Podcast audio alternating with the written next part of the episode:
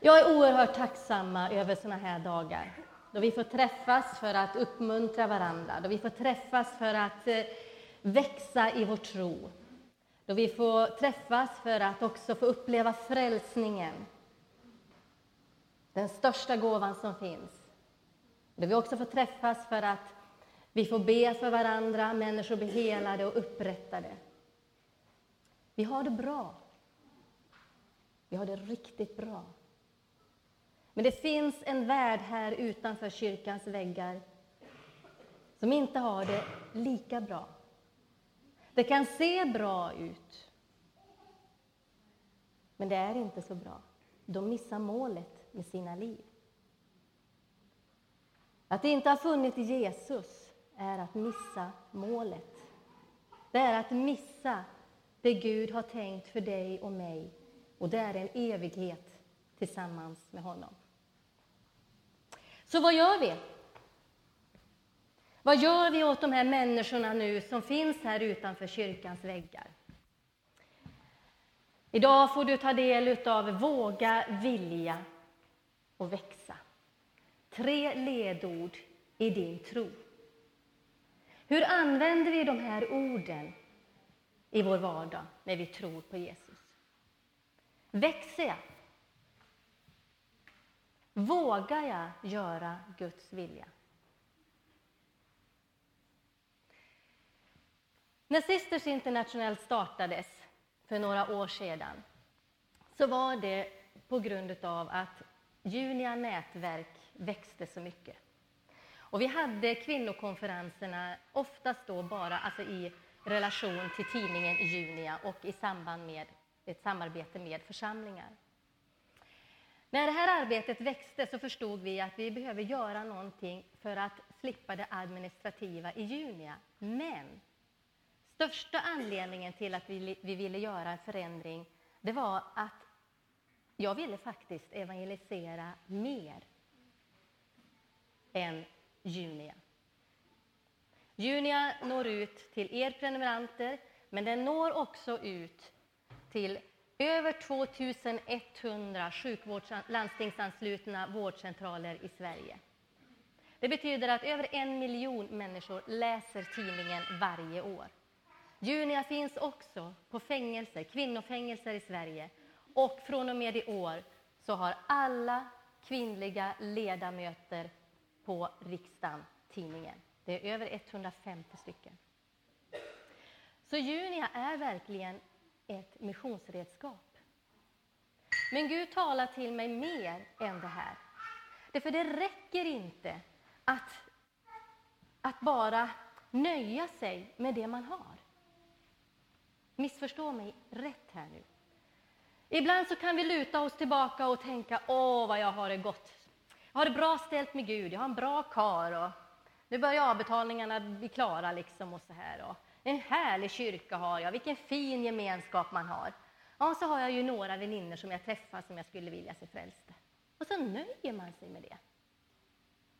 Man nöjer sig med det. Och så ser man en sån här film som säger någonting helt annat än i den här världen som man lever i. Vi ber om väckelse i vårt land. Helt riktigt, det ska vi göra. Vi behöver det. Men väckelsen behöver börja med dig och mig. Du och jag behöver ta tag i det som är vår första uppgift. Att gå för den skull ut och göra alla till lärjungar. Gå för den skull ut. Gör någonting, var aktiv.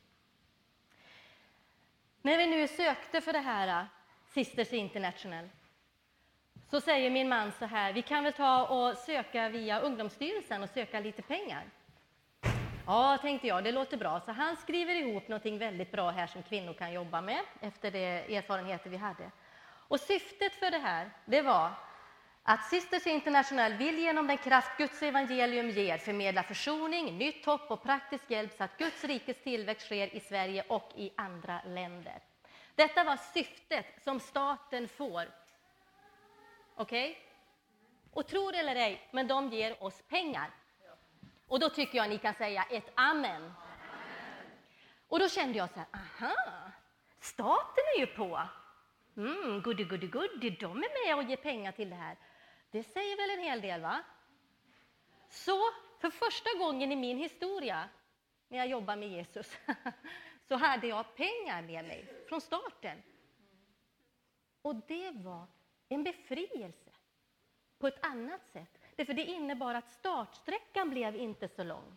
När vi startade Junia så tog vi ett lån på vårt hus för att börja. Och vi har, vi har liksom givetvis fått kämpat med ekonomin, för det, det kostar att evangelisera. Det är ju inte billigt att evangelisera. Nej, media är dyrt. Här fick vi pengar. Här fick vi pengar. Och då hade Gud talat till mig några år tidigare i samband med en kvinnokonferens som vi hade i Santa Clara. När jag står där framme och förkunnar så kommer det människor in. Och ni som känner till Santa Clara, ni vet att den kyrkan är aldrig låst. Och de som kommer in är människor som är trasiga, missbrukare, ensamma, prostituerade. De kommer in där och så sätter de sig längst bak och är med. Och jag minns att jag tänkte så här. Ja, där kommer de. och bara sätter sig. Och så kom det här köttet inom en. Ni har ju säkert inga problem med sånt, men jag har det. Så jag minns att jag tänkte, ja, och inte har de betalat heller. Tack Rigmor. Du känner igen köttet lite sådär, ja. Och så kommer Jesus på en gång med sin kärleksfulla röst. Så kontrar han mig genom att säga, Marie, en dag, då ska du ge ut en tidning till kvinnorna som lever i missbruk, prostitution och hemlöshet i Sverige. Ingen fördömelse alls, utan han ger mig ett uppdrag. Du ska göra det här. Och jag minns att jag tänkte, men då för några år sedan, hur ska det bli möjligt? För, för Junia gick ju knappt runt. Och var skulle vi då ta pengarna ifrån? Åren gick, och det här låg ju kvar i mitt hjärta. Så när pengarna kom ifrån Ungdomsstyrelsen och jag förstod, ja men, jag har ju, vi har faktiskt pengar. Så får jag en sån där idé. Och det kommer jag förkunna om lite grann senare. Men Gud ger oss idéer. Och de ska du ta fasta på, för det kan vara en gudagiven idé. Så släng inte bort det som om det vore ah, det är jag själv här nu som pratar och hittar på. Det kan vara Gud i dig. Då får jag idén att jag ska skaffa en påse. ska jag göra. Och i den här påsen så ska jag se till att vi får in vackra, exklusiva, snygga saker som kvinnor längtar efter. Inget second hand och sånt här, som, inget fel i det. Men alltså, inget sånt nu, utan de ska ha det som är vackert och rent och värdefullt. Och i den här påsen så fick jag då chansen och möjligheterna att lägga ner tidningen. Och jag förstod precis vad Gud ville säga. Och det är att gåvor öppnar en människas hjärta. Gåvor öppnar människors hjärtan. På två veckor så var det här klart. Stockholm, Göteborg och Malmö. Nästan tusen julpåsar första året kunde delas ut. Och jag blir så fascinerad av hur Herren verkar. Jag har sett det så många gånger nu, att så fort man vågar säga ja och verkligen menar det, då är det som att Gud släpper allt. Ah, här har vi en villig som är beredd att satsa lite. Och hon är galen nog. Nej, men förstår ni? Jag tror att han bara längtar efter det här att åh, här har vi en. Äntligen får jag chansen att visa vad jag vill ge henne, vad jag förmår göra genom henne, vad jag har längtat efter, vad jag har sparat efter bara för att få visa just henne vad hon kan få göra i mitt namn. Åh, vad han längtar efter att du ska få upptäcka det också.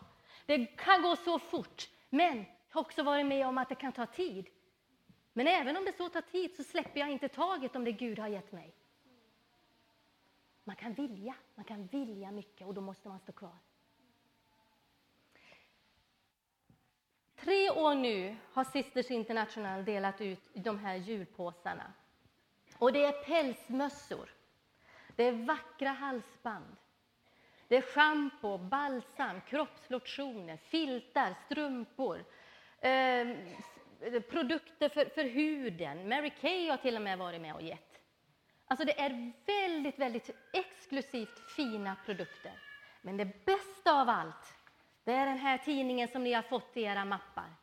Bara för att ni ska få ta del av vad kvinnorna där ute läser. Kvinnorna i fängelserna, för de får också den här påsen.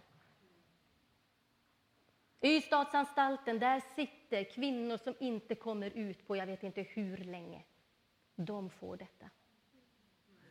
Om ni bara visste det vad Guds ord når framgång.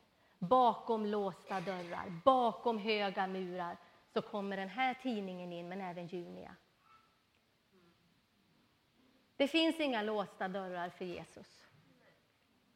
Han har nycklarna till dödsriket i sina händer. Han har övervunnit allt utav ondo. Han har trampat på ormens huvud och krossat honom under hans häl. Skulle inte du och jag då verkligen våga säga ja till honom och vara med och göra skillnad i vårt land? Är det inte det vi längtar efter? Är det verkligen inte det? Jag är fullt övertygad om att innerst inne så sitter du själv och tänker så här, ja men herre jag då? Jag vill vara med om någonting, jag vill, jag vill se människor komma till tro, eller jag vill göra skillnad på något vis. Kör! Gör någonting. Önska inte bara någonting, utan gör någonting. Tillsammans kan vi göra oerhört mycket. Jag har inte klarat det här utan er. Ni ser mig, en liten person visserligen, med lite ruter i. Ja, jag är född med det. Jag är född med lite så här 17 anamma liksom. Ska det vara något så ska det hända något och då, ja ni vet, huset ska städas nu och inte om två veckor. Ungefär så är jag. Och det är samma sak när Gud har talat till mig. Då vill jag ju att det ska få ske. När man då tillsammans gör någonting så går det ju så mycket fortare. Och det kan hända så mycket mer. Den här julpåsen delades även ut i Köpenhamn. På den mest trafikerade gatan utav trafficking alltså, och prostitution. Hundra kvinnor ifrån olika länder har fått den här julpåsen. Jag har kontakt med pastorn i den församlingen. Och hon berättade att förra året när de delade ut den här julpåsen så skapade det en kontakt med kyrkan. Hon sa vi har aldrig fått den här kontakten under åren förut, men den här påsen öppnade upp för kvinnorna.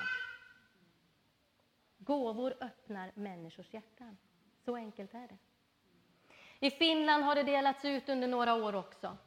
Sisters International finns i Finland nu som en förening.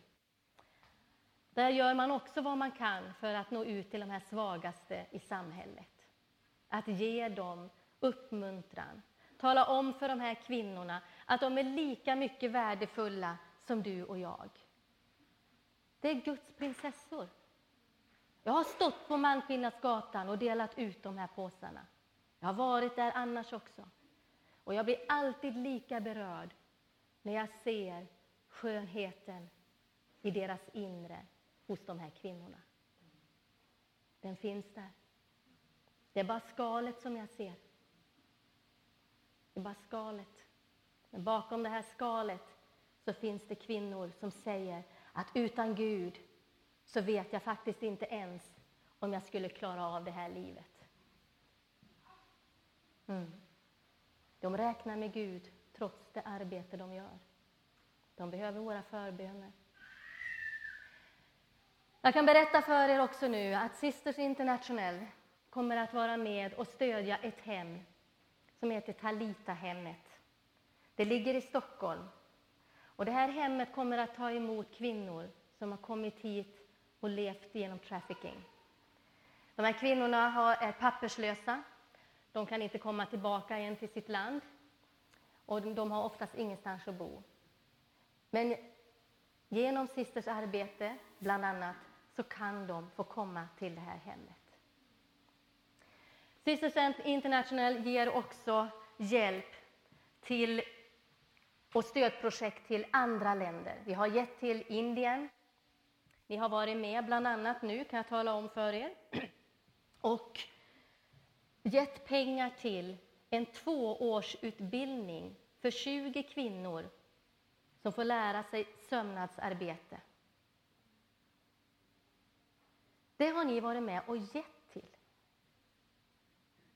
Två års utbildning för lärare och material och för de här 20 kvinnorna. Det har ni varit med och gett till.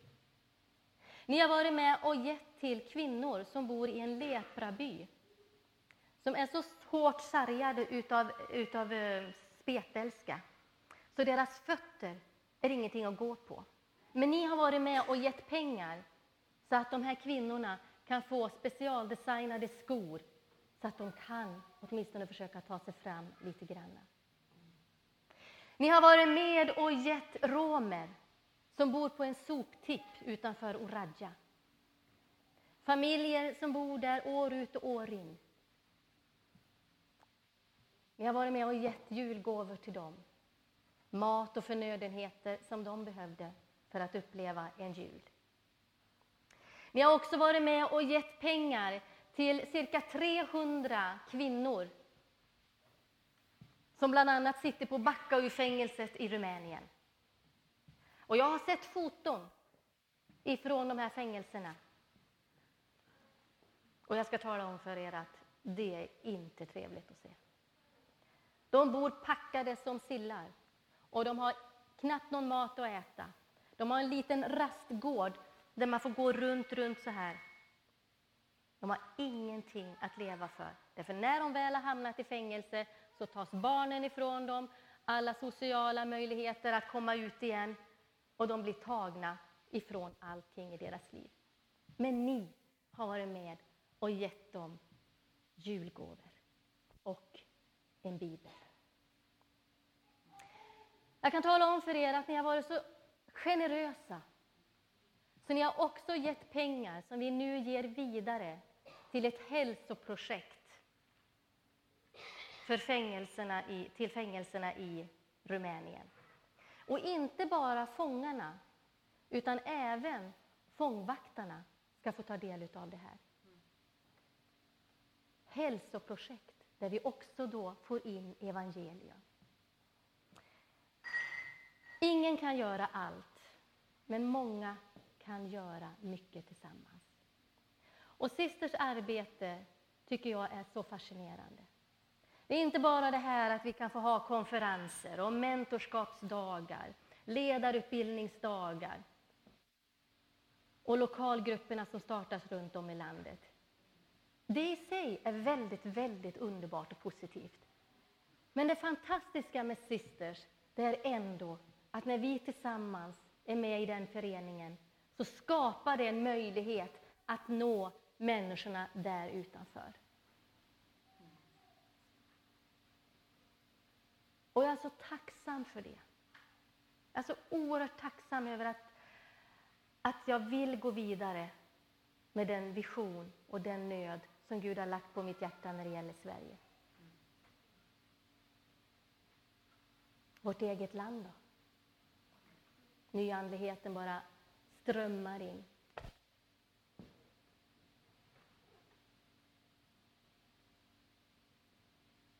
Vilket arv vill vi ge våra barn och barnbarn? Är det det kristna arvet eller är det det nyandliga arvet? Det bestämmer du. Men vilket arv tror jag Gud frågar oss vill vi ge till nästa generation? Sisters International. Ja, vi är över 2000 medlemmar nu. Det har vuxit jättesnabbt och vi tycker det är så roligt. Lokalgrupperna som startar upp runt om i Sverige, oftast i samarbete med församlingarna, är ett sätt att vara också ett komplement för det kanske redan befintliga kvinnoarbete som finns i församlingen. Men också för att bekräfta och bejaka den här längtan som finns att också kanske göra någonting ut, som når ut till människor utanför. I Ängelholm, i EFS-kyrkan där, så har man nu allt arbete som, arbe som görs med kvinnor, det har man tillsammans med Sisters International. Och en sak som de bland annat gör, det är att de har ett café för ensamma mammor. Jag tycker det är jättefint. Och de har lagt ut de här foldrarna på BVC och, och MVC, bara för att informera om att vi vill finnas till för er. Är du ensam? Behöver du hjälp? Behöver du någon att prata med? Kom till det här kaféet. Vet ni, det krävs inte egentligen så mycket för att skapa en verksamhet som är riktad till dem som är där utanför. Det gör inte det. Det gäller bara att börja tänka lite annorlunda. Ja, jag tycker det är grymt spännande. I er mapp, jag vill att ni tar fram den nu. I er mapp så ser ni den här tidningen Sisters International. Den kan ni läsa sen när ni kommer hem. Där kommer ni få läsa om hur kvinnor som har suttit fast i missbruk och prostitution och hemlöshet har upplevt Jesus i sina liv. Och så lite annat smått och gott och trevligt och sånt här som de behöver läsa. Så den kan ni läsa när ni, när ni kommer hem. Ester är den medlemstidning som skickas ut till alla medlemmar. Den kommer två gånger per år. Det är lite undervisning i den och information om vårt arbete. Och den här ingår alltså i medlemskapet, den här tidningen Ester. Här har ni en folder som kort beskriver lite grann av det arbetet som vi har. Och nu vill jag att du ska lyssna riktigt noga. Det här vykortet som ligger tillsammans kan du få använda om du vill bli medlem i Sisters Internationals förening. Om du vill bli en del utav syftet som står där. Idag har vi det erbjudandet att det kostar dig ingenting. Annars är faktiskt medlemskapet ja, bara 100 kronor. Så det är ju ingenting som man känner att wow, det här klarar inte jag av. Men idag så vill vi ge dig möjlighet att gå med i Sisters International. Och vi bjuder på den här medlemsavgiften. Då vill jag att du skriver på det här vykortet. Skriver ditt namn och när du är född, bara det året du är född. Och sen att ni lämnar det ute i juniabordet eller till mig efteråt. Jag tror på ett förvandlat Sverige.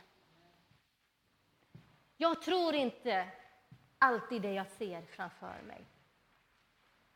Tron är en fast tillförsikt om det man inte kan se, står det i Guds ord. Lev i det ordet. Tron är en fast tillförsikt om det man inte kan se. Jag kan inte se människor strömma till Skövde Pingstkyrka just nu. Inte fysiskt, men jag kan få se det med mina andliga ögon. Jag kan få se det med trons ögon. Och då har man någonting att gå på. Därför tror jag på ett förvandlat Sverige. Jag tror på ett Sverige där man kan få säga öppet jag tillhör Jesus. Jag skäms inte för Jesus. Jag är trygg i min tro. Istället för att tassa på tårna som det nu är överallt på varenda arbetsplats. Jag tror på evangeliets kraft i vårt land. Och jag tror på det därför att du och jag kan få stå tillsammans och göra skillnad i det här landet. Amen. Amen. Jag blir så inspirerad. Och jag pratar så bra till mig själv brukar jag säga ibland. Men det känns faktiskt så. Man blir så inspirerad över det här. Vi behöver uppmuntra varandra lite mer när det gäller just att, att våga nå ut och att det finns behov där ute. Eller hur? Vi har så mycket konferenser i vårt land så vi skulle kunna stapla dem på varann. Och vi kan föda oss hur mycket som helst med Guds ord. Och det är jättebra. Det är jätte, jättebra. Men vad gör vi med allt det som vi lagrar inom oss? Vad händer sen? Det behövs ett flöde också, eller hur? Flow in it. Nu känner jag för en sång här. Eller hur? Naturligtvis. Varsågod. Vad heter du? Sandra. Sandra är det här. Hon bara dök upp så där liksom. Och jag kan sjunga. Ja, nästan. Nästan. Din mamma sa det. Ja. Nej, men sånt här gillar jag. Det här att, att bara, ja men det är klart att jag kan. Klart att jag kan. Istället för som det eh, Vicky var inne på, att man jämför sig med varandra och ja, nej men tänk, ska jag stå där och sjunga nu? Oj, oj, oj, liksom. Tänk om det finns de som sjunger bättre. Men nej då. Det gör det. Ja, det gör Så det. är det ju. Ja. Du har inte hört mig än. Nej, det har jag inte gjort. Prata kan du. Nu ska du få sjunga en Ja, sång. tack. Och jag vill att ni lyssnar på den här texten, för den har att göra med undervisningen sen.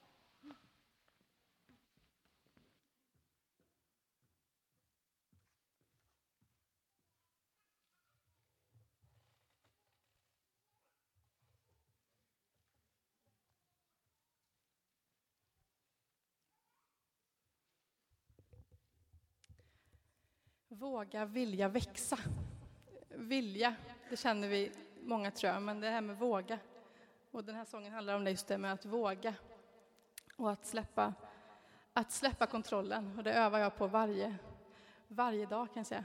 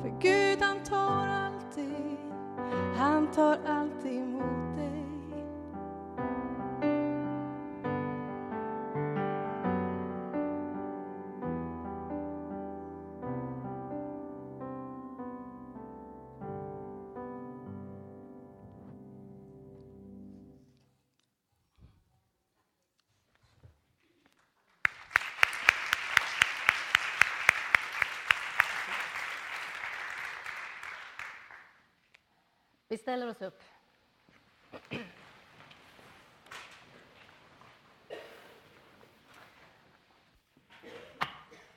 tackar vi Jesus tillsammans.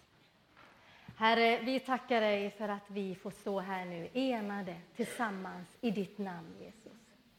Och jag tackar dig, Herre, för att du längtar så mycket efter oss var och en. Att du ska få äga oss fullt ut. Inte bara halva mitt jag, utan hela mitt jag. Herre, du ser vår längtan var och en, att vi vill leva för dig. Det finns så mycket hinder bara, Gud. Och jag ber nu, Far, att du ska låta din helige Ande få hjälpa oss att se bortanför de här hindren och se upp på dig, vem du är. Kom, helige Ande. Kom, helige Ande, bara vidrör vi oss var och en. Fyll våra behov och längtan. Tack för din kärlek, din enorma kärlek till oss var och en. Tack att ingen är för mer än den andra, utan inför dig är vi alla lika värdefulla. Åh, jag tackar dig för det. Tack att du går här nu mitt ibland oss.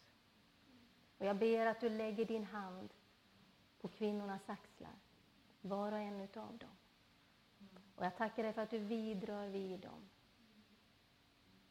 Tala till dem och uppmuntra. Tack Jesus. Tack Jesus.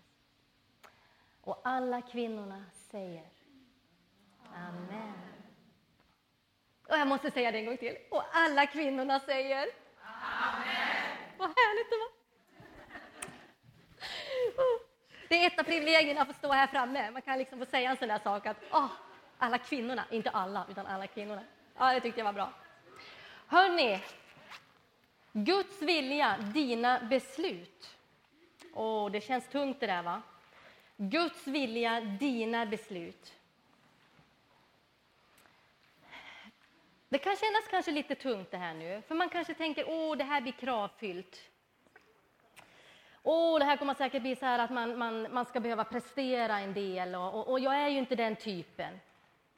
Men vänta lite grann så ska du få se att det ligger kärlek bakom det här att kunna fatta beslut. Visste du att den mest värdefullaste tavla som någonsin sålts är utav Moder Teresa? Den såldes för 238 miljoner på en privat auktion i London. Moder Teresa vet ni vem hon var säkert. Hon blev ju känd för att hjälpa de fattiga, de sjuka, spetälska, de som inte mådde bra psykiskt. Och hon, kan man säga, levde i Guds vilja. Men hur startade det för Moder Teresa? Hur startade det? Jo, så här gick det till. Ärkebiskopen i Calcutta har gett Moder Teresa tillåtelse att på prov börja tjäna de allra fattigaste. Hon får ett år på sig. En morgon lämnar hon klostret och hon upptäcker en svårt sjuk kvinna på gatan och lånar en skottkärra för att kunna köra henne till närmaste sjukhus. Men där vägrar man att ta emot henne. Då går Teresa vidare till nästa sjukhus med kvinnan i skottkärran. Men inte heller där vill man ta emot henne. Ingen vill ta emot den här svårt sjuka kvinnan. Och senare mot kvällen så dör hon. Så börjar faktiskt det arbete som bland annat gav Moder Teresa Nobels fredspris 1979. Hon började att gå omkring med en kvinna i en skottkärra. Men hon gjorde det hon upplevde vara Guds vilja. Hon tog ett beslut att det här, det här ska jag göra. Vad är Guds vilja, frågar man sig. Vad är egentligen Guds vilja? I Matteus 22, vers 36 och 40 så står det så här. Mästare, vilket är det största budet i lagen? Jesus svarade, du ska älska Herren din Gud av hela ditt hjärta och av hela din själ och av hela ditt förstånd. Detta är det största och främsta budet. Sedan kommer ett som liknar det. Du ska älska din nästa som dig själv. På dessa två bud hänger hela lagen och profeterna. Det här är en del i vad Gud vill att du och jag ska leva med. Det andra som Jesus vill, det är att de ska få komma till Gud. Jesus kom till oss för att bli den som kunde bli vår medlare upp till Gud. I Första Timoteusbrevet 2 och 4 så står det så här som vill att alla människor ska bli frälsta och komma till insikt om sanningen. De här två sakerna är det jag upplever är Guds vilja. Dels att få insikt om sanningen, att lära känna Jesus, att få kontakt med Gud, vår himmelske far, genom det Jesus har gjort på Golgata. Och att älska Gud av hela mitt hjärta, av hela min själ och av hela mitt förstånd ska jag göra detta. Och sen till råga på allt så säger Jesus att du ska älska din nästa som dig själv. Och jag vill att du tänker också på den sista meningen, att älska din nästa så som dig själv. Jag tänker på sisters arbete. Att älska människor utanför kyrkan. Att älska människor i kyrkan. Det är lätt att säga jag älskar dig. Att älska har blivit så vanligt ord. Jag älskar McDonalds, jag älskar innebandy, jag älskar AIK. Ingen motstånd. Men vi älskar så otroligt mycket. Så den här rätta innebörden, att älska oavsett om det känns som om jag älskar eller inte, kanske inte är så relevant i många situationer. Kärlek är ingen känsla. Nej. Kärlek är ett val. Jag väljer om jag vill älska människor eller inte. Vad kärleken står för, det vet ni. Och det är det jag väljer i så fall att stå för. Så kärleken är ett val. Och det är därför Jesus säger så här, att du ska älska Herren din Gud. Han ger oss den möjligheten. Men det valet, att göra det, det bestämmer du och jag. När vi kan älska Gud, då har vi fått den här inre förvissningen om att han har ju älskat mig först. Det som Vicky var inne på, hon la en jättebra grund för den här dagen. Att Gud har älskat dig så mycket så att han har offrat allt. Och när han skapade dig så skapade han dig unik, speciell, värdefull, viktig. Gud bevisar sin kärlek till oss genom att Kristus dog i vårt ställe medan vi ännu var syndare. Ett starkt bibelord. Och han älskar oss så mycket så att om du skulle springa bort någon dag så skulle han leta efter dig. Han skulle söka dig. Han skulle vilja tala till dig inom dig, att du skulle känna dig dragen till honom. Alla känner ni till det förlorade fåret? Om den här herden som har hundra får och så springer ett litet får iväg. Och så säger herden, han är borta. Jag måste ge mig iväg. Jag måste leta efter honom. Ja, men du har ju 99 stycken kvar där inne i den där follan. Spelar ingen roll. Han ger sig iväg och så letar han efter det här fåret. Och jag älskar det här bibelordet, just den här versen där det står att så tar han fåret, hörni. Och så lägger han det på sina axlar. Så, här. så hänger benen ner. Det står faktiskt det. Det är inte något foto som ni har sett, utan det står. Han lägger fåret runt sina axlar. Och så går han. Tänk att bli buren av Gud, hörni. Tänk att få bli buren av Gud. Då är det väldigt enkelt att säga med sin vilja, ja Herre, jag vill. Jag vill, för jag blir buren utav dig. I psalm 32.8 så säger Gud så här att jag vill lära dig och undervisa dig om den väg du ska vandra. Jag vill ge dig råd och låta mitt öga vaka över dig. Det han förtydligar här, det är att jag är inte ensam. Gud vill lära mig. Han kommer att undervisa mig. Han kommer att ge mig det jag själv inte har. Ofta så resonerar vi så här, ja, men jag är inte där än. Jag kan inte det här och, och jag fixar inte det här och jag tror mig själv definitivt inte om att kunna göra det här. Så säger Guds ord någonting helt annat. Jag vill lära dig och undervisa dig. Och jag vill ge dig råd och låta mitt öga vaka över dig. Han säger också så här, att du omsluter mig på alla sidor och du håller mig i din hand.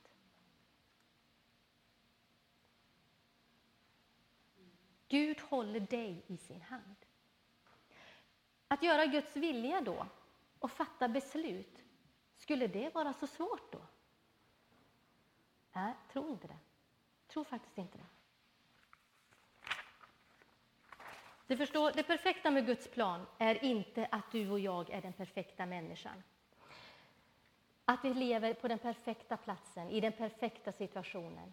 Utan det är att Gud själv är så perfekt. Bibeln visar gång på gång hur livet tar vändningar som vi inte alls skulle kunna ha tänkt ut och kunnat sett och förstå hur det skulle kunna bli någonting utav. Ta bara Golgata. Vad händer? Den de trodde var Messias, Guds son, får bära sitt eget kors till Golgata.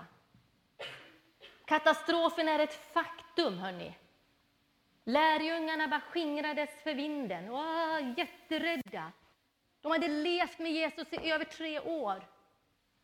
De var fullt förvissade om att den mannen var verkligen Guds son. Men när han ska bära sitt kors och gå till Golgata, då flyr allihopa. En lärjunge var kvar och det var Johannes. Var fanns alla andra? Det som såg ut att bli en katastrof, ett riktigt nederlag, blev precis tvärtom. Precis tvärtom. För vad händer? Ni vet vad som händer. Han dör på Golgata. Han säger det fullbordat. Det står i Guds ord att han beger sig iväg ner till den onde själv. Han bekämpar andevärldens furstar och väldigheter. Han tar nycklarna till dödsriket i sina händer och han triumferar över den seger som han har vunnit. Mörkret kunde inte behålla honom. Döden kunde inte behålla honom. Han var livet själv. Han var Guds son. Det som såg ut att bli som ett nederlag blev en succé. En succé. En triumf.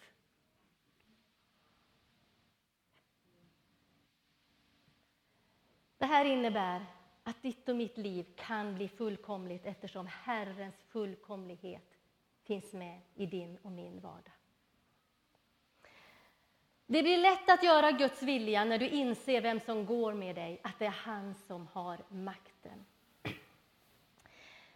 När jag skulle starta Junia så var jag helt övertygad om att jag skulle få ett sånt här starta eget-bidrag. Jag var då helt sjukskriven. Jag, Försäkringskassan var inkopplad, Arbetsförmedlingen var inkopplad. Och det var för att jag skulle då hitta någonting annat att göra.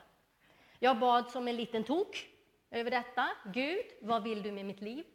Visserligen är jag sjuk nu, men det ska väl inte behöva vara ett hinder, utan du ska väl kunna använda mig ändå. Det hade jag med mig från det jag var, var liten. Att Gud inte ser till hur vi ser ut eller hurdana vi är.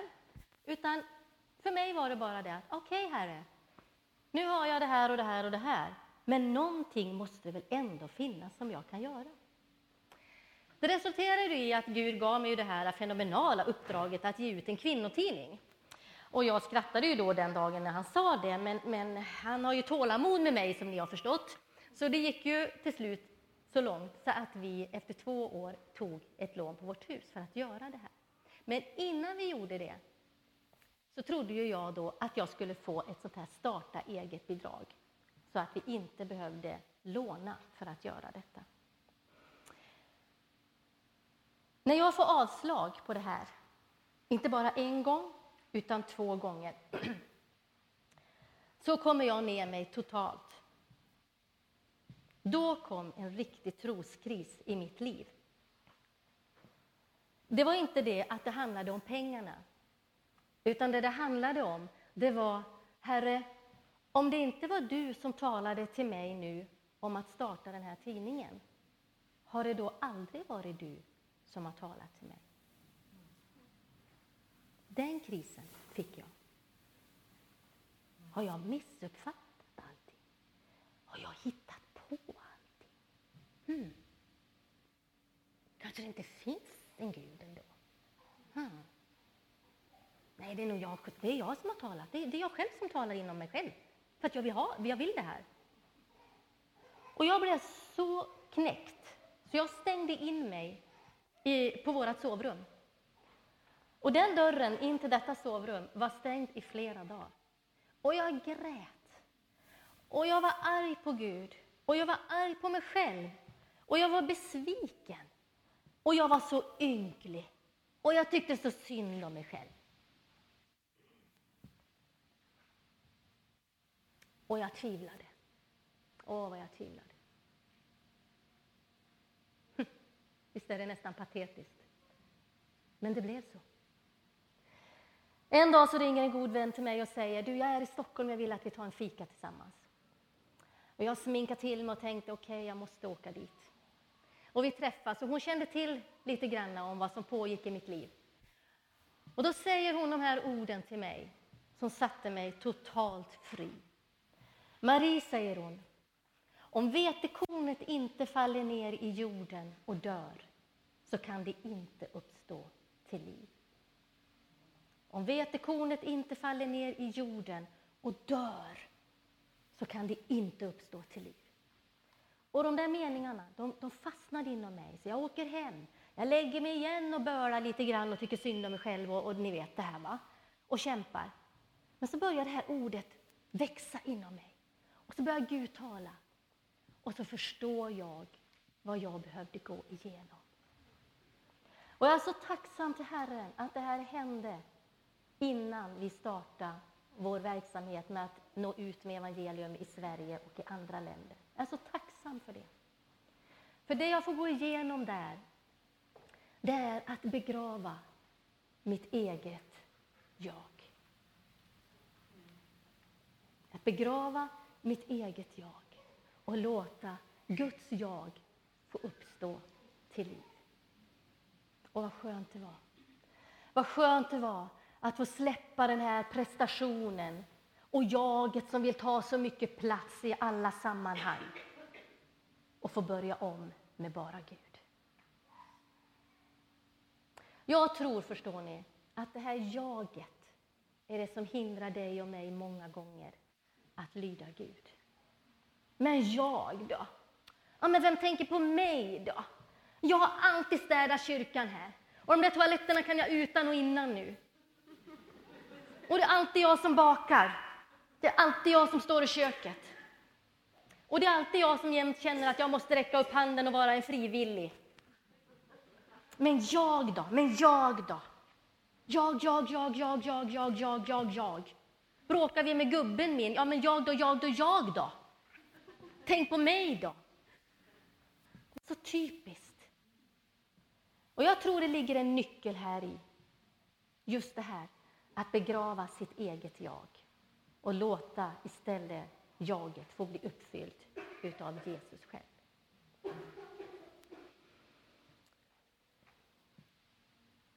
Jag tror att det är oerhört viktigt att du och jag sätter vårt hopp och vår tillit och vår rädsla som också finns med i allt det här, till Gud. Att överlämna även rädslan till honom. Många gånger så hindrar rädslan oss att ta emot Guds kraft. Men när vi är ärliga och blottar oss själva inför Jesus och säger jag är rädd. Vad, vad, är det som händer? Det går för fort, eller det händer ingenting, eller vad händer om jag gör det? Om jag gör din vilja nu, Herre, vad händer? Istället för att säga, Herre, jag är rädd. Men, få se nu, det var ju du som har lovat vara med mig och, och undervisa mig och omsluta mig och hålla mig i min högra hand. Hmm. Kanske det ändå funkar? Ja, det gör det. Att leva i Guds vilja innebär att våga sätta sin tillit.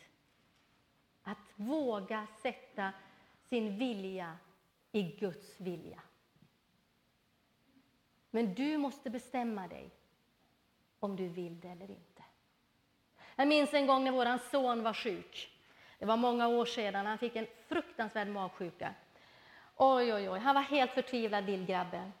Och helt plötsligt så bara skriker han ut där i sängen. Han var nog bara en fem, sex år, eller ja, sex, sju, jag kommer inte ihåg någonting sånt där. Så bara skriker han rätt ut. Jesus, hjälp mig! skriker han. Och jag bara, oj, liksom. Och i ett nu, förstår ni, så somnar grabben och sover resten av natten. Så snabbt gick det. Han vågade sätta sin tillit till Gud i en barnslig tro på Herren. Hjälp mig, skrek han, den lille grabben. Jag minns en gång vi skulle betala en räkning på Junia, vi var närmare 70 000. Och vi hade inte de pengarna. De fanns inte. Det var också så att när vi hade tryckt tidningen den gången så var vi missnöjda med trycket. Vi tyckte inte de hade gjort det snyggt. Och då kan man ju dra av några procent. Och jag skulle förhandla då med, med chefen på tryckeriet. Jag gillar inte att förhandla, men jag skulle göra det i alla fall. Och jag kände bara att Marie, nu får du inte lyssna på dina känslor, utan nu handlar det om vad du vill. Vill du se att Junia blir klar? Vill du göra någonting åt det? Ja, det är upp till dig. Men jag visste inte vad jag skulle säga till Karl. Jag hade ingen aning. Så där sitter vi och pratar med varandra. Så frågar han till slut, ah, vad tycker du nu att vi ska göra åt det här då, att det inte blev så bra och så där, säger han. Och då får jag en sån där, som jag brukar säga, gudagiven idé. De är så roliga. Då säger jag så här, du, säger jag, jag tycker faktiskt att ni kan betala allting. Vi ska inte göra det, säger jag. Ni får stå för den här skulden. Och det blir alldeles tyst. Det är inte lite du begär, säger han. Nej, säger jag. Jag vet vem som bor i mig, ungefär. Fast jag var jättenervös. Så är han tyst ett tag till och så säger han, ja, okej, okay. vi efterskänker allting, säger han. Fattar ni? Alltså det är Gud, men jag valde att vilja göra detta. Det kändes väldigt skämmigt, ska jag säga dig. Ja, skänk efter allting. Men jag, men jag sa det. Att göra det här vilja. Kung David han var en man utav Guds hjärta. Och Jag vill bara ta det här med, därför att han sa så här. Hur länge ska du glömma mig och dölja ditt ansikte för mig? Hur länge ska jag oroas och ängslas? Se till mig och svara mig. Och till nyttan då? Säger han som hade besegrat Goliat. Ja, okej, okay. men han slutar inte där, utan han säger så här. Jag har alltid Herren för ögonen. Han är på min högra sida. Jag ska inte vackla. Därför gläder sig mitt hjärta och jublar min ära.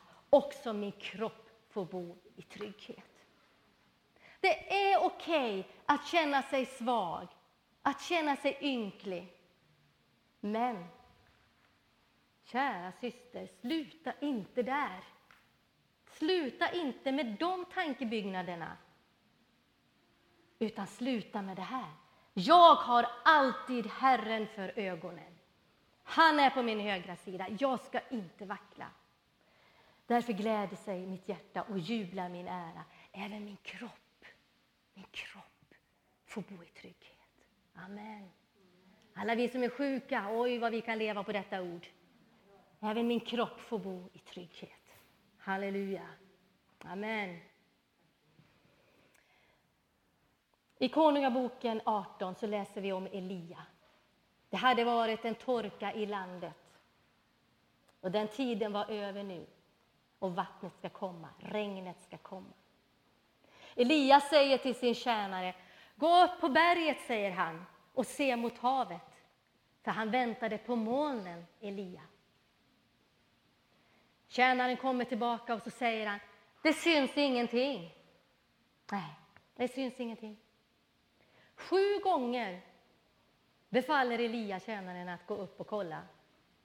Och han kommer ner och säger, syns ingenting. Syns ingenting.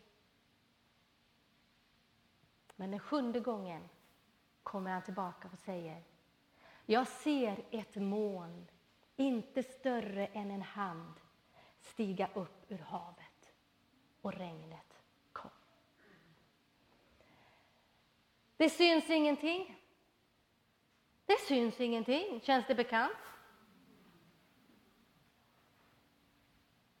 Det syns ingenting. Hur ska man då vilja? Hur ska man kunna vilja om inte det syns någonting? Det går inte, det fungerar inte, jag kan inte, jag orkar inte, jag har gjort det förut. Men sju gånger fick han springa upp dit. Och det som händer, det är att han får se ett moln som en hand. Och från detta lilla moln så kom skyfallet, så kom regnet. Hörni, för att du och jag ska kunna leva i det här att vilja så krävs det uthållighet. Det krävs uthållighet trots omständigheterna. Trots omständigheterna som säger att nej, det finns inget moln. Det finns ingenting som säger att jag skulle kunna vilja göra det här överhuvudtaget. Jag tänker mig att jag skulle vilja göra det, men omständigheterna ser annorlunda ut. Det krävs en medvetenhet, att man är förvissad om vem som hade makten. Det var alltså inte jag. Kommer ni ihåg det? Nej, jag, mitt eget jag, var tvungen att dö. Inte så att jag utplånar min vilja, men mitt ego. Mm, egot. Det var tvunget att dö. Och det räcker också, väldigt viktigt för oss, att ha rätt inställning till detta. Att du måste vilja, ge inte upp. Jag minns min lilla syster. Alla mina syskon, jag har en syrra kvar faktiskt, som jag väntar på ska komma till tro. Men jag har fyra syskon. Tre stycken har kommit till tro efter ett års mellanrum på väldigt, väldigt speciella sätt.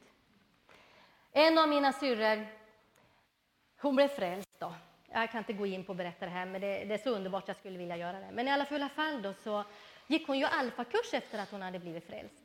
Och sen så tyckte hon att det var så tråkigt när man hade gått en alfakurs och en, två eller två eller sådär. Så, och hon ville ju fortsätta att finnas med i det här, för hon var ju så hungrig. Så hon ville ju ha mer av Guds ord, hon ville ju verkligen lära sig mer. Så hon tänkte så här, ja, men jag kan vara med och laga mat och fixa kaffe och sånt där. Då är jag ju i den här gemenskapen och det blir jättetrevligt. Och hon älskar mat, min syrra. Ja, så hon passar jättebra där. Så hon fixar maten och sen så visste hon att ja, nu ska det bli kaffe snart. Men jag hinner ut. Jag hinner ut och ta en rök innan. Ja, hon är frälst men hon har inte hunnit sluta röka än. Då. Men i alla fulla fall då. Så hon går ut där och ska till att ta sig en rök. Och vad händer? Jo, dörren går igen. Och hon får ju panik. De vet inte om att jag är här ute. Jag har ingen nyckel. De får inget kaffe. Vad kommer hända med dem? Jaha. Och hon tänkte, men Jesus, hjälp mig. Ni kan ju tänka hur mycket hon rökte liksom under den stunden. Oj, vad rädd hon blev. Men hon bad och tänkte, Jesus, hjälp mig. Vad ska jag göra? Liksom? Hur ska jag komma in? Då ser hon en man komma över gatan och går emot henne. Hej, säger han. Hej, säger Therese. Du, vet du om det är några där inne som håller på att spela piano? Ja, säger Therese. Jag såg förut att det var någon som, som spelade där inne och sådär. Jaha, säger han. Och så tar han sin nyckel. Och så öppnar han dörren. Du sa det liksom, att det var någon där inne som, ja, säger Therese. Jaha, säger han. Och så går han. Och dörren var öppen. Och Therese, alltså hon var helt lyrisk. Marie, fattar du? Det var en ängel! Han bara kom där och öppnade dörren med nyckeln liksom. Och jag rökte där och han kom ändå liksom. Wow! Att vandra med Gud, att vilja göra det Gud vill. Det kan hända så mycket roligt, så mycket spännande saker. Det fanns en man som gav allt för sin tro på Gud och för det han hade som, i sin vision. Det var Martin Luther King. Han sa så här i sitt tal den 3 april 1968. Vi har några svåra dagar framför oss, men det spelar ingen roll för mig nu. För jag har varit uppe på bergets topp och det gör ingenting för min del. Precis som vem som helst skulle jag vilja leva ett långt liv. Hög ålder har ju sin plats, men det är inte det som upptar mig nu. Jag vill bara göra Guds vilja. Och han har låtit mig gå upp på berget och jag har sett över till andra sidan och jag har fått se det förlovande landet. Jag kanske inte kommer dit tillsammans med er, men jag vill att ni ska veta ikväll att vi som ett enat folk kommer att nå löfteslandet. Och jag är lycklig ikväll. Jag är inte bekymrad över någonting, säger han. Jag fruktar inte någon människa. Mina ögon har sett härligheten i Herrens ankomst. Martin Luther King blev skjuten inom 24 timmar efter det här talet. De tog hans liv, men de fick aldrig tag i hans själ och hans vision som levde vidare i tusentals människors liv. Jag vill bara göra Guds vilja. Han gjorde det han kunde. Han valde det.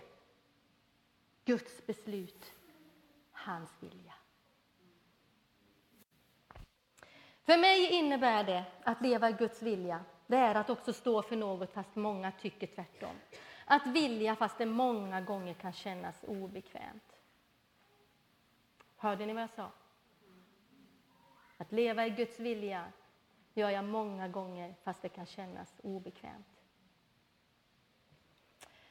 En kvinna sa till mig så här en gång. Marie, Du har lyckats du, sa hon. Du har lyckats. Och så sa hon det här som jag jobbar med. Och ärligt så kunde jag faktiskt inte ta åt mig av den komplimangen. För jag visste vad Gud hade lagt ner i hennes liv. Jag visste att hon var kallad av Gud. Och att hon hade ett uppdrag. Men hon hade inte valt det. Guds vilja, men hennes beslut var någonting annat. Att fatta beslut fast det många gånger känns obekvämt. Det är ungefär som många människor gör. De fastnar vid det obekväma. Jag har försökt förut, ja. Det har jag gjort. Ja, jag har talat om för pastorn så många gånger att absolut, alltså jag skulle bara veta vad jag skulle vilja göra i den här församlingen. Men nej då, han lyssnar inte på mig. Eller? Nej, och jag, jag har ju försökt tala om så många gånger att, att jag, jag är jätteduktig att sjunga. Jätteduktig att sjunga är jag. Kollekten jag är suverän på att ta upp. Jag skramlar så extra liksom. Men ingen fattar någonting vad jag vill. Nej. Tänk om de fattar vad de gick miste om alltså. Och sen har jag tänkt så här också, att göra Guds vilja och fatta beslut. Nej, jag tror inte tiden är inne nu heller egentligen. För att, jag menar, hallå, jag, jag har ju det här med studierna, jag måste bli klar med studierna också. Det, det tar tid alltså. Åh, vad krävande det är. Fast å andra sidan, jag råkar vara gift också. Mm. Det är så jobbigt att vara gift, det vill ta så mycket tid. Ja, det tar mycket tid att vara gift alltså. Och så kommer barnen, oj vilken tid de tar. Sen blir föräldrarna gamla, då ska man ju ta hand om dem också. Sen är det så här att jag längtar efter karriär. Jag vill göra karriär. Åh, vad härligt det skulle vara, förstår ni, få den där toppositionen liksom. Ja, det tar tid. Så göra Guds vilja just nu, ja, jag tror inte det är den rätta tiden alltså. Det är inte rätta tiden. Det är inte den rätta tiden. Ja, tyvärr också så, så har jag ju en sjukdom. Oh, stackars mig. Jag har en sjukdom. Ja.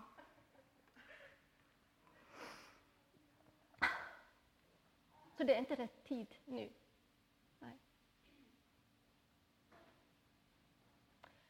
Och så finns det tusen, tusen ursäkter för att inte vilja göra och fatta besluten som Gud vill med ens liv. Så här står det i Guds ord. Idag är frälsningens dag. Idag är den välbehagliga tiden. Idag är frälsningens dag. Idag är räddningens dag. Inte imorgon. Då kanske min väninna har dött. Eller jag. Oh. Idag. Idag är räddningens dag. Idag är den välbehagliga tiden. Men det är du och jag som fattar besluten. Du och jag fattar besluten. Jag minns vid ett tillfälle också så, så skulle jag faktiskt åka iväg på ett möte. Åh, vad hemskt! Ser ni på mig att det var hemskt att åka på möte? Ja, faktiskt. Jag var jättetrött. Jag ville inte åka på det där mötet. Och det värsta var att min brorsa säger att Marie, kan inte du åka med mig? Jag vill åka på... Han var också nyfrälst. Han ville ju åka på alla möten då. Och jag tänkte, okej, okay, jag får väl offra mig då, som man brukar säga. Då. Jag åker väl med dig på det där mötet. Men jag, jag var faktiskt inte alls pigg på att åka på detta möte. Och vi åker iväg, kör iväg in mot stan. Och så sitter vi där. Och jag sitter och är lite kurren sådär, och ni vet. Ja. Och så blir det lovsång och bra predikan och allt det här. Och så i slutet på mötet så säger Gud till mig, du Marie, du ska gå till den där kvinnan och så ska du ge henne de pengar som du har i börsen. Jaha, ska hon få uppmuntran? Ja, men jag då, säger jag till Jesus. Jag som är så trött och sliten och verkig, ska inte jag få någonting? Gå och ge henne pengarna. Oh, ja, ja, ja.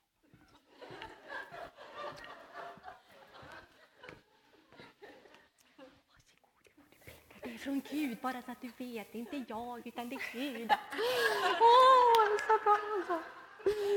Och så går man tillbaka och så tycker man, jaha, det var de pengarna det. Och så går mötet. Och efteråt så kommer den här kvinnan fram till mig och så berättar hon kort sin historia. Och gissa vem som skämdes. Mm. Bland annat så var de tvungna snart att fly ur Sverige för de hade blivit så förföljda för att de trodde på Jesus. Hon och hennes man. Mm.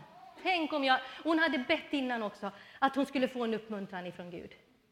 Och så väljer Gud mig.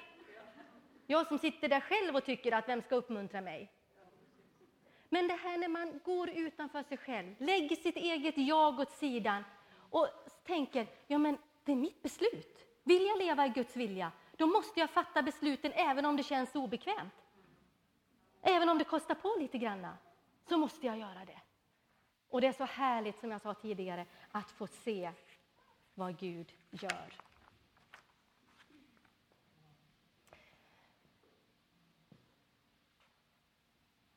Att vilja, hörni, göra det Gud vill och fatta besluten. Det innebär faktiskt att du måste säga ja. Du kan be hela ditt liv om att Gud sker din vilja med mitt liv.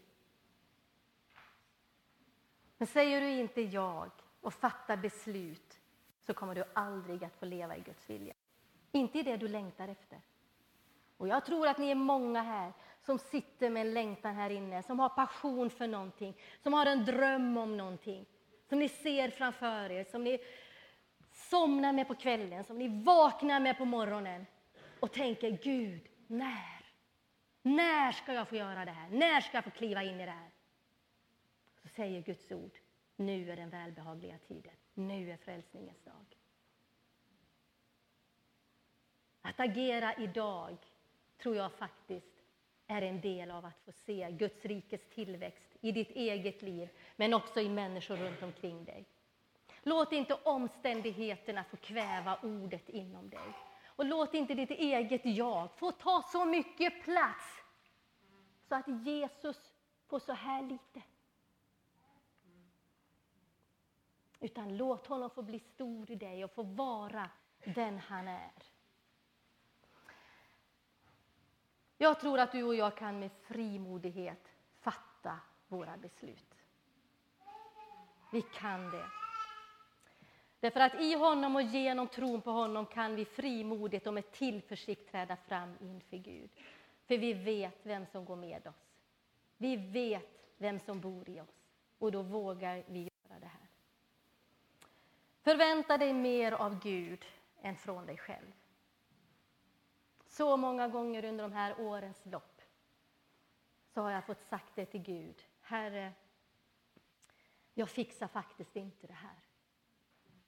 Men jag vill göra det. Och Gud har skickat folk, han har skickat pengar. Jag har fått se människor komma till tro. Men jag är ärlig och jag säger, jag kan inte, men du kan. Och så säger jag, vi går tillsammans, vi är ett team. Och jag vill att du ska få uppleva det här. Slösa inte bort din tid på trivialiteter och på onödiga saker.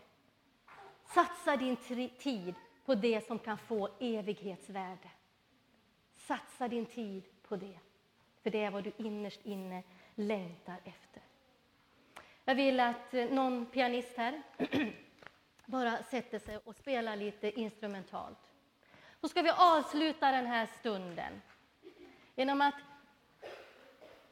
du ber. Du blundar nu, titta inte på mig.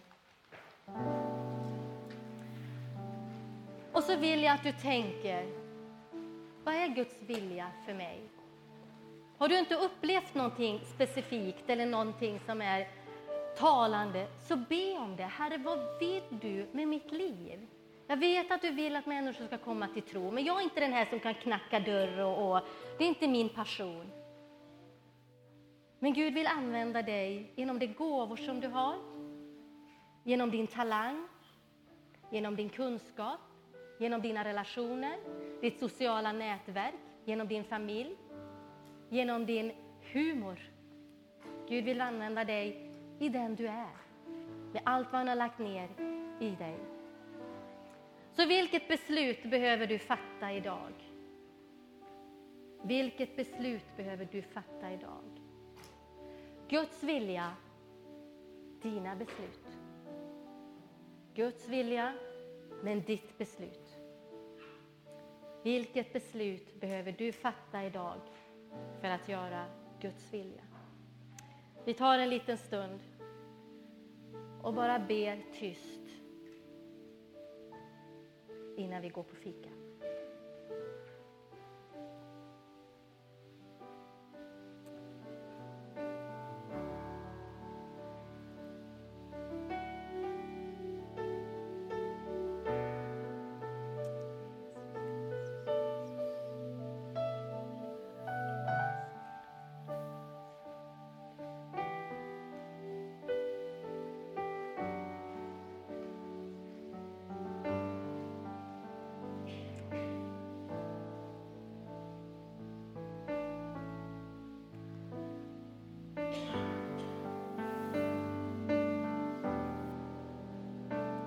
Tackar dig för att din vilja ska få ske med våra liv. Jag ber för min egen del, Herre. Ske din vilja så som i himmelen, så och på jord. Ske din vilja i mig. Ske din vilja i oss var och en. Men tack att du vill hjälpa oss att fatta besluten. För det kan inte du göra åt oss, Herre. Hjälp mig att fatta beslut när jag vet att du har talat i mitt inre. Hjälp oss var och en att fatta de besluten. Tack att du vill bära våra bördor. Du vill hjälpa oss i vår svaghet. Därför att du är konungarnas konung. Vi går inte ensamma. Vi går med dig. Vi går med dig Jesus. Vi går med dig. Jag tackar dig tackar dig Jesus. Jag tackar dig för kvinnor i det här landet som kommer att resa på sig och med högburet huvud säga jag vet på vem jag tror på. Jag vill följa Jesus. Jag vill fatta beslut där hans namn får bli förhärligat i mitt liv. Herre, jag tackar dig för de här kvinnorna. Jag tackar dig för att du reser upp kvinnor i hela vårt land som bejakar sin kallelse, som bejakar det du har lagt ner i deras hjärtan, Herre. Och jag ser en armé av kvinnor som verkligen vågar ta steget ut. Jag är så tacksam, Herre, jag är så tacksam. Tack att du hör bön,